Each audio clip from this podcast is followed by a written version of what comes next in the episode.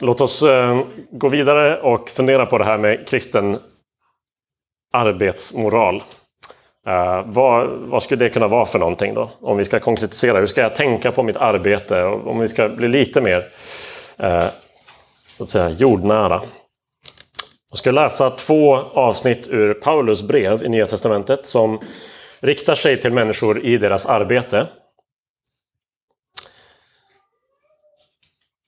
Först ifrån Kolosserbrevet 3. Och allt vad ni gör i ord eller handling, gör det i Herren Jesu namn och tacka Gud Fadern genom honom. Så hoppar jag över ett litet avsnitt som, eh, som beskriver mer eh, familjerelationer. Och så kommer det vers 22. Ni tjänare, lyd era jordiska herrar i allt. Inte som inställsamma ögontjänare utan med uppriktigt hjärta i vördnad för Herren. Vad ni än gör, gör det av hjärtat, som för Herren och inte för människor. Ni vet att det är av Herren ni ska få arvet som lön. Det är Herren Kristus ni tjänar. Den som gör orätt ska få igen den orätt han har gjort, utan partiskhet. Ni herrar, låt era tjänare få vad som är rätt och rimligt. Ni vet ju att också ni har en herre i himlen.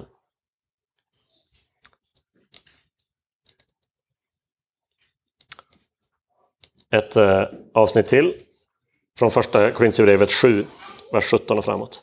Men var och en ska leva i den ställning som Herren har tilldelat honom, så som Gud har kallat honom. Det föreskriver jag i alla församlingar. Blev någon kallad som omskuren ska han inte ändra på det. Har någon blivit kallad som oomskuren ska han inte låta omskära sig.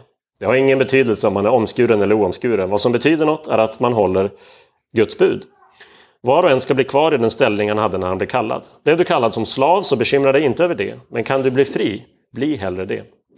Den som var slav när han blev kallad av Herren är Herrens frigivne och den som var fri när han blev kallad är Kristi slav. Ni är köpta till ett högt pris. Bli inte slavar under människor. Bröder, var och en ska inför Gud förbli som han var när han blev kallad.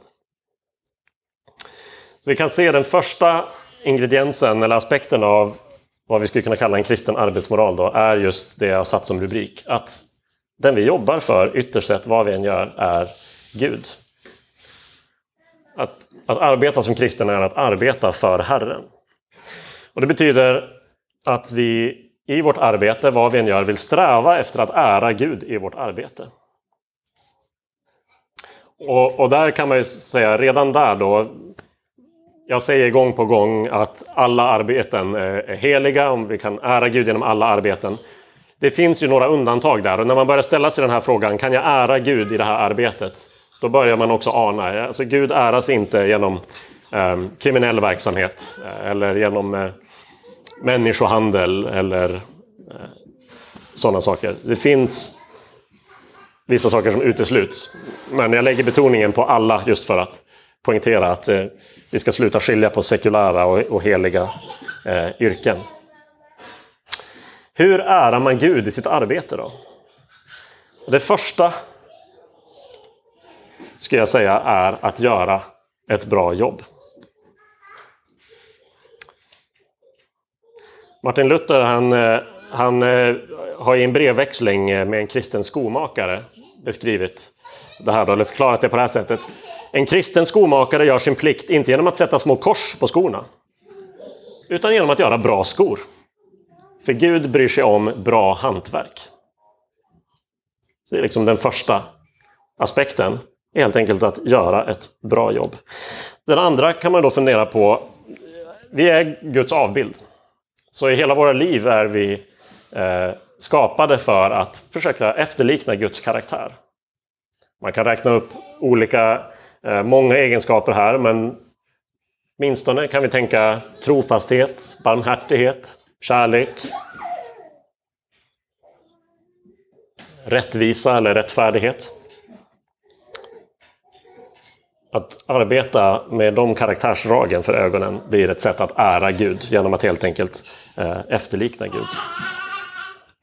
Och jag ärar Gud i mitt arbete när jag försöker utföra mitt arbete och faktiskt följa Guds bud. Jag kommer gå in på, eh, på det lite mer sen, men alltså även om man bara tänker om tio budorden, eller här om veckan hade vi som predikotext eh, den gyllene regeln. Så visst behöver, de, visst behöver de konkretiseras, för var och en av oss i en specifik situation. Men de är också väldigt jordnära. Att inte stjäla, att inte bära falskt vittnesbörd och så vidare. Så våra yrken erbjuder massa tillfällen då vi å ena sidan frestas till att bryta mot buden, men där vi också kan eh, öva på att följa dem. En annan aspekt av att arbeta för Herren som Paulus beskriver här, det är att betrakta status utifrån yrke som något helt relativt. Så han säger att om du är slav så är du Herrens frigivne. Och är du fri så är du Kristi slav. Det är en typisk Paulus-paradox. Eh, Paulus gillar eh, att ställa upp sådana saker mot varandra ibland. Det är den här typen av uttryck som gjorde att ju mer kristen, kristendomen kom att genomsyra det romerska riket och sen under medeltiden i Europa så urholkades slaveriet och försvann, avskaffades. Inte för att Paulus skrev liksom över en natt, nu avskaffar vi slaveri. Men när man börjar tänka på sig själv på det här sättet. Som att i grund och botten är vi jämlika. Är jag fri så är jag i alla fall en tjänare till Jesus. Och eh, är jag en tjänare till en människa så i Jesus är jag faktiskt fri. Så det blir en, det blir en relativisering av status. Och det är ju något att tänka på om man arbetar under en dålig chef. Eller om jag arbetar i ett yrke där jag inte får uppmärksamhet eller erkännande. Jag är fri i Jesus. Jag är inte slav under den här människan. Men är jag på, är jag på toppen i en mänsklig organisation så är jag i alla fall inte högst upp. Då har jag skyldigheter mot Jesus. En annan aspekt av det här är att arbeta för Guds applåder snarare än människors. Det är ju en av de främsta frestelserna som finns i vårt arbete. Just för att det är så det finns en sån tillfredsställelse och känsla av glädje och liksom så i att, i att lyckas med någonting. Att, att göra något, att genomföra något, att ha planerat och utfört och sedan utvärdera och konstatera att det här blev riktigt bra gjort. Det är underbart, det är en sån gåva och det är så nära till hans att det blir för viktigt för mig. Att människor ska se det och ge mig erkännande för det. Faran med, med komplimanger är att man börjar tro på dem.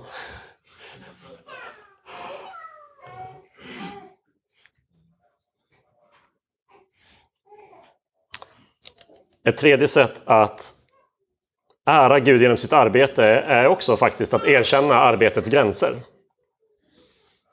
För Gud, som vi sa innan, har gett oss många kallelser. Kallelsen till sig själv, men också till eh, mina vänner, till min familj. Eh, hedra mina föräldrar, men också om jag själv får gifta mig och bilda familj, har en fru eller man och barn, så har jag kallelser till dem och ansvar gentemot dem. Och jag ärar Gud i mitt arbete när jag slutar jobba i tid. För då ärar jag de gränser som Gud har sagt. Jag ska vila. Jag ska vara tillgänglig för andra saker, för andra plikter, för andra människor. Så det här blir ju konkret verkligen att tänka på rytm. Att ha en rytm av arbete och vila. Och det, ordet rytm är avsiktligt valt där, för det är ganska vanligt. Ibland hör man det, ibland hör man ordet balans work-life balance. Att man ska arbeta och resten av livet ska vara i balans med varandra. Problemet med det är ju att det är väldigt statiskt. Balans, då står allting stilla. Så här. Och jag tänker att den bibliska bilden av, av att leva i den här världen är ju mer rörlig. Därför att det finns en rytm av sex dagar arbete, en dag vila. Så det finns ju perioder då man arbetar jättemycket. Och det kan vara okej. Okay. Men jag behöver vara noggrann med att ha en rytm så att jag ger mig själv återhämtning efter en sån period. Snarare än att sträva efter att det ska alltid vara i perfekt balans. Det är orealistiskt. Men jag behöver sträva efter en rytm och då kan jag behöva tänka i förväg. Har jag vila efter, efter eh, den här intensiva perioden? Har jag schemalagt det? Det är faktiskt att ära Gud, att se till att man erkänner arbetets gränser. Så mycket av, av synd är när vi inte vill erkänna Guds gränser. Nej, Gud, jag behöver faktiskt inte åtta timmars sömn. Jag kan klara mig på fem. Ja, det finns några få som kan det, men de flesta av oss blir det i längden inte bra.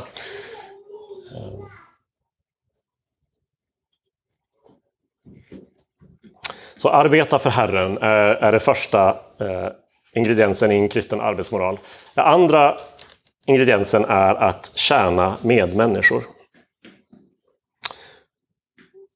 Och I det finns dels en möjlighet och eh, här är två, två eh, sätt som eh, luthersk teologi, eller som Martin Luther själv beskrev det, är dels att i vårt arbete så får vi lov att vara bönesvar.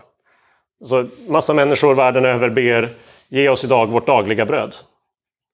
Och personen som stiger upp tidigt på morgonen och bakar det där brödet blir ett svar på den bönen. Och alla andra, personen som kör lastbil så att brödet kommer till butiken.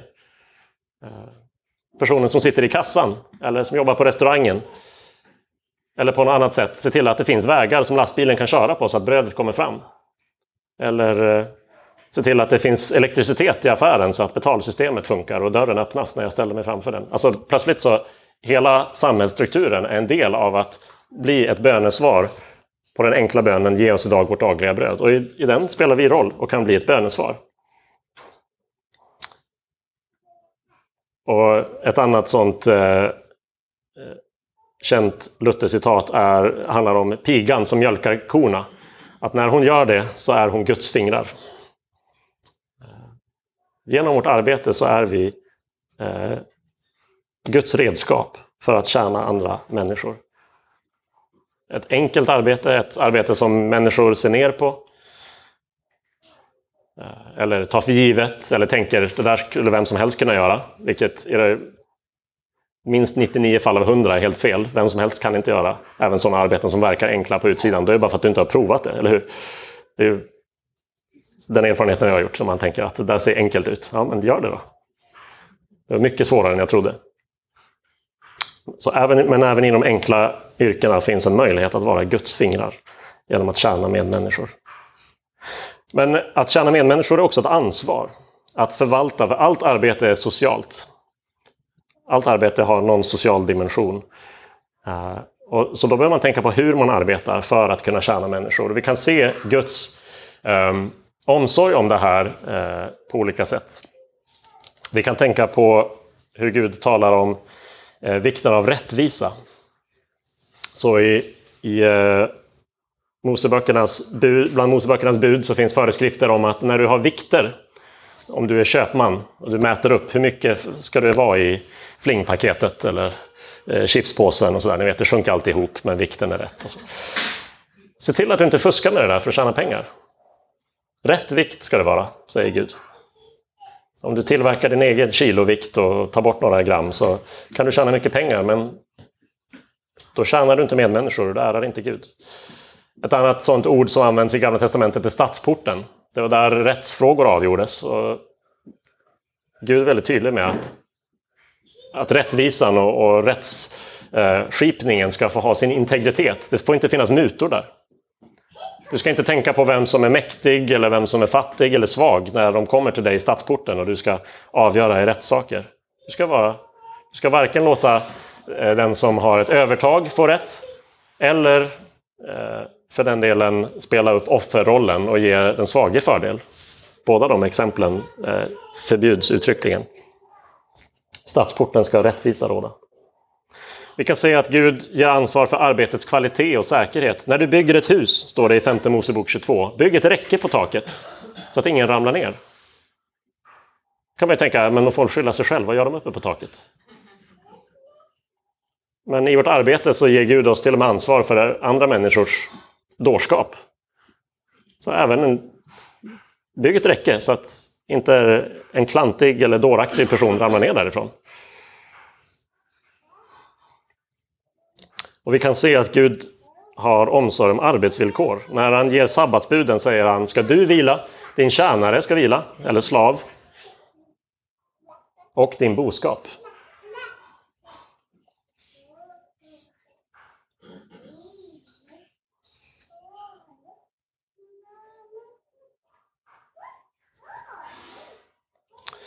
En tredje aspekt av en eh, en kristen arbetsmoral kan vara att göra skillnad. Jag skulle säga att de första två är de mest grundläggande. Men jag tror att det också finns en, eh, en liksom rätt och legitim eh, drivkraft i Bibeln till att vilja göra skillnad. Vi kan se hur Gud till, exempel, till och med uppmanar sitt folk när de är tillfångatagna i Babel att söka den stadens bästa genom vad då? Ja, genom fruktträden de planterar, genom husen de bygger, alltså genom arbetet och livet i staden. Sök den stadens bästa. Gör att det går bra för Babylon, för då går det bra för er, säger Gud. Gäller det en, en liksom uttryckligen en fiendestad som har kidnappat Guds folk så gäller det säkert också en neutral stad som vi har flyttat till åtminstone hyfsat frivilligt. Eh. En annan sån impuls kommer från den här målbilden som vi pratade om. En, en stad där syndens konsekvenser är borttagna. Finns det någonting i mitt arbete där jag kan göra Stockholm pyttelite, eller kanske mycket om man har en inflytelserik roll, något närmre Guds målbild för skapelsen?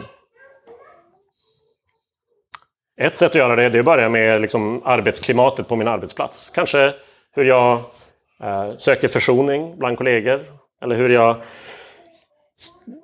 motverkar skitsnack. Det är en av de mest kännbara dimensionerna av en arbetsplats som, som jag vet att alla, alla vi kristna emellanåt kämpar med. Hur ska jag göra när människor talar illa om varandra på min arbetsplats? Ja. Att försöka bidra till att det blir lite bättre är ett litet sätt att göra skillnad. Att tänka, vad är det lilla hörn av Guds värld som jag har något slags inflytande över? Vad kan jag göra där? Medan det finns vissa av oss som kan få chansen att ha väldigt inflytelserika roller och kan göra stor skillnad. Det finns inspirerande exempel i kyrkans historia. Ett av de mest eh, inspirerande och liksom sådär på den stora skalan är William Wilberforce som är parlament, var parlamentsledamot i England och drivande i att avskaffa slaveriet i hela det brittiska imperiet. Så att triangelhandeln mellan Europa, Afrika och, och den nya världen, Amerika, upphör. Han dog, tror jag, två dagar efter att han fick igenom beslutet i parlamentet. Det var liksom så uppenbart hans livsverk och hans kallelse och när det var färdigt så var Wilberforce färdig. Men han är, hans namn är ihågkommet och han är fortfarande en sån hjälte få av oss får den chansen, eller det inflytandet. Men om vi har lite eller mycket, jag funderar, kan jag göra någonting till det lite bättre? Ett, ett exempel som ligger nära mig, inte för att jag har någon del i det, men jag känner en person som en del av er såg mig skriva om det på Facebook, men ni vet Bolt och Uber och de här taxiapparna. Eh, så är många av oss som känt sådär, ja å ena sidan, jag vet att de får dåligt betalt så jag vill inte använda det, men Å andra sidan får de ju betalt så det är kanske ändå bättre att jag använder dem än att jag inte använder dem. Hur ska jag göra egentligen? Så har jag gått och tänkt lite grann. Jag åker taxi rätt sällan, eh, ska jag säga. Um, jag har ju privatjet som pastor. Um, um, så att jag behöver inte så värst ofta ta en Uber. Nej, men eh, så har jag gått och tänkt. Ska, ska jag åka en sån här eller inte? Och jag är så tacksam för eh, några kristna jag känner som har istället sagt kan vi organisera taxiförarna i ett kooperativt en, en kooperativ taxiapp där de får bättre villkor. Ja, och, så har de lanserat den här veckan. Um, att försöka tänka kreativt. Var, var, var, någonstans i min bransch eller min arbetsplats hedras inte människor som Guds avbild? Kan jag göra någonting åt det? Det är en väldigt spännande eh, tanke, tänker jag, att, att försöka pröva. Eh, en av författarna till, eh, eller som jag har läst inför den här helgen. Han skriver så här. Det är i vårt arbete vi har bäst färdigheter och utbildning, mest resurser, starkast samarbete med andra människor. Så vår möjlighet att älska människor multipliceras. Alltså, om någon förändrar den här världen gör de det förmodligen på jobbet. Antingen spontant eller avsiktligt. Alltså, min möjlighet att förändra världen genom en taxifirma är ganska liten, för jag kan ju ingenting om den branschen. Eh, eller min möjlighet att förändra världen genom ja, saker jag gör bara helt på fritiden är mindre än de möjligheter jag har om jag har faktiskt en utbildning på ett område. Jag känner de inflytelserika på det här området eller vet liksom hur det funkar, vilka trådar man ska dra i för att få saker att, att hända. Ordspråksboken har det här eh, fantastiska ordspråket. De rättfärdigas framgång ger glädje i staden. Och det är den där tanken som vi har pratat om ibland. att Drömmen om att även om människor Många människor i Stockholm skulle tycka att ja, de där kristna de tror en del konstiga saker. Men åh, vilka bra grannar, kollegor, styrelseledamöter eller så de är. Så man skulle vilja att, att det var. Allra helst att de också, ja, ni fattar. Men även de som inte håller med i vad vi tror kan glädjas när människor som, som drivs av att vilja ära Gud och tjäna människor, när de lyckas i staden. Så en, eh, en eh, sista aspekt av det här med kristen arbetsmoral, sen kan vi ta en bensträckare till eller diskutera lite. Är frågan, hur ska jag då tänka? Ska jag stanna eller, på min arbetsplats eller ska jag lämna min arbetsplats?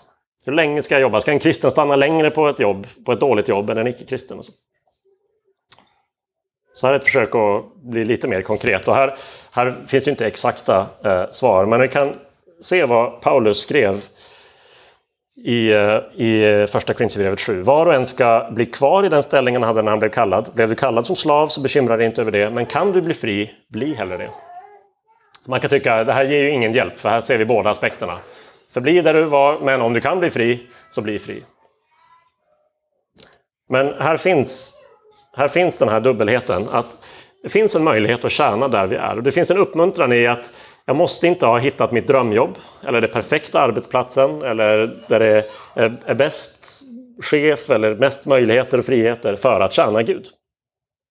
Jag kan sitta fast så att säga i ett mänskligt perspektiv och ändå säga, men sitter jag fast så är det här jag kan tjäna Gud. Då har Gud satt mig här. Å andra sidan är jag fri och ser möjligheter att tjäna Gud mer genom ett större inflytande som jag faktiskt är ganska, jag är ganska väl rustad för det här yrket som ger mig större chans att påverka. Ja, jag är fri att lämna. Eller om jag är fast på ett ställe där jag faktiskt upplever dehumanisering. Arbetsvillkoren här är faktiskt sådana att en del av min mänskliga som värdighet respekteras inte. Ja, tack och lov så lever vi inte i ett slavsamhälle så under åtminstone vissa förutsättningar kan vi bli fria. Så det är ett område där på något sätt kategorin moral, vad som är rätt och fel, möter kategorin vishet.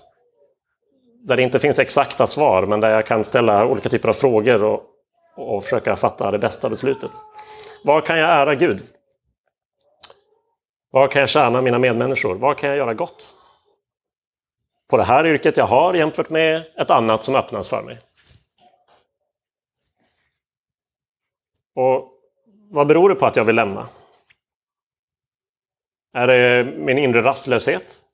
Är det att jag, jag vill gärna ha status och identitet i mitt yrke och, och här öppnar sig en möjlighet där jag kan få mer av det? Eller ser jag faktiskt en chans att här kan jag ära Gud mer eller tjäna fler människor eller tjäna dem bättre? Man kan fundera på, är det rätt tid att lämna nu? Om vi vill ära Gud genom att efterlikna eh, Guds karaktär så bör man fundera på, har jag, lov, har jag lovat någonting när jag tog det här jobbet? Ehm, då kanske jag bör stanna så länge att jag faktiskt kan betraktas ha uppfyllt det eh, löftet. Jag har faktiskt brutit ett kontrakt i mitt liv insåg jag nu. Jag pallade inte jobba som telefonförsäljare de sex kvällar jag hade lovat. Efter tre pass så höll jag på att bryta ihop. Och chefen ärade kontraktet och gav mig lön för tre kvällar fast jag egentligen skulle jobba sex kvällar för att få lön. Så jag är tacksam för. Eh, jag stod inte ut. Eh, men det var inte så trofast av mig. Eh, om jag ska lämna, hur lämnar jag på ett bra sätt? I bästa fall så är kallelse platsen där liksom mina gåvor, det som jag, liksom, det Gud har lagt ner i mig, som jag brinner för och älskar att göra, de erfarenheter och kunskaper jag har fått och en plattform, människors förtroende och liksom möjligheter där de möts. Där kan man tänka, där är liksom sweet spot för kallelsen. Så jag, jag gillar det här, jag kan det här och människor bejakar att jag kan det här. Ge mig en plattform, ge mig ett förtroende. Men vi är inte alltid på platser där alla de här sakerna möts. Och det gäller att hitta den här balansen, att jag kan tjäna Gud där jag är nu. Men finns det, erbjuds jag en möjlighet att ära Gud mer, tjäna medmänniskor bättre, göra mer gott, där de här tre sakerna överlappar ännu bättre, ja, så är jag fri att lämna. Är det någon som vill eh, reagera, ge respons på det här? Fundera. Just det, precis. Ofta är det i den kontexten Luther skriver om det. Just för att han går emot sin samtid som tänker att nej, men det är munkarna som har en helig kallelse, alla andra har sekulära kallelser. Och det är det Luther fightades för så mycket, säga att pigan som mjölkar korna är Guds finger lika mycket som munken, kanske mer om munken utför sitt arbete på ett liksom, sekulärt sätt. Eller, eller ett annat sådant exempel är ju när man går i pension. Alltså det är inte så ovanligt att män som går i pension blir väldigt, alltså går in i någon form av depression eller någonting. För att man tycker att nu har jag, vad är jag nu? Jag har varit mitt arbete i alla dessa år, vad är jag nu när jag inte är? Och, och tanken att, att jag är mer än mitt arbete, men också att det finns kallelser till mig när jag inte har ett 40 timmars arbetsvecka. Det finns fortfarande möjligheter att ära Gud, tjäna medmänniskor på massa olika sätt. Eh, hoppas jag. Jag tänker att den är jätteviktig. Jag hoppas att den är uppmuntrande för, eh, för en pensionär eller som du säger en sjukskriven eller någon som är mellan jobb också. Ja.